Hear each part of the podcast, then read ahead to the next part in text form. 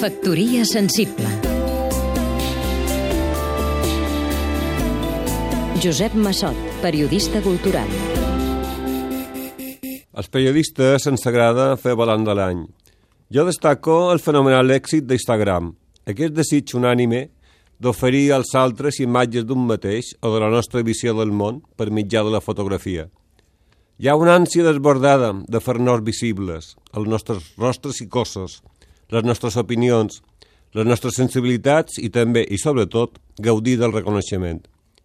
A Anglaterra acaben de triar com a paraula de l'any selfie, l'autoretrat o l'autofoto que pengem en una xarxa social, tot esperant l'aprovació entusiasta dels altres.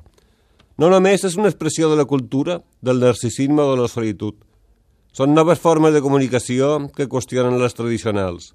Ningunellats, espiats, manipulats, sumits en la incertesa, Instagram o Twitter o Facebook són operadors que serveixen per autofirmar-nos, cridar l'atenció i proclamar que existim. Hi ha un boom de la fotografia i de persones que llancen a escriure llibres, a trobar un sentit narrança.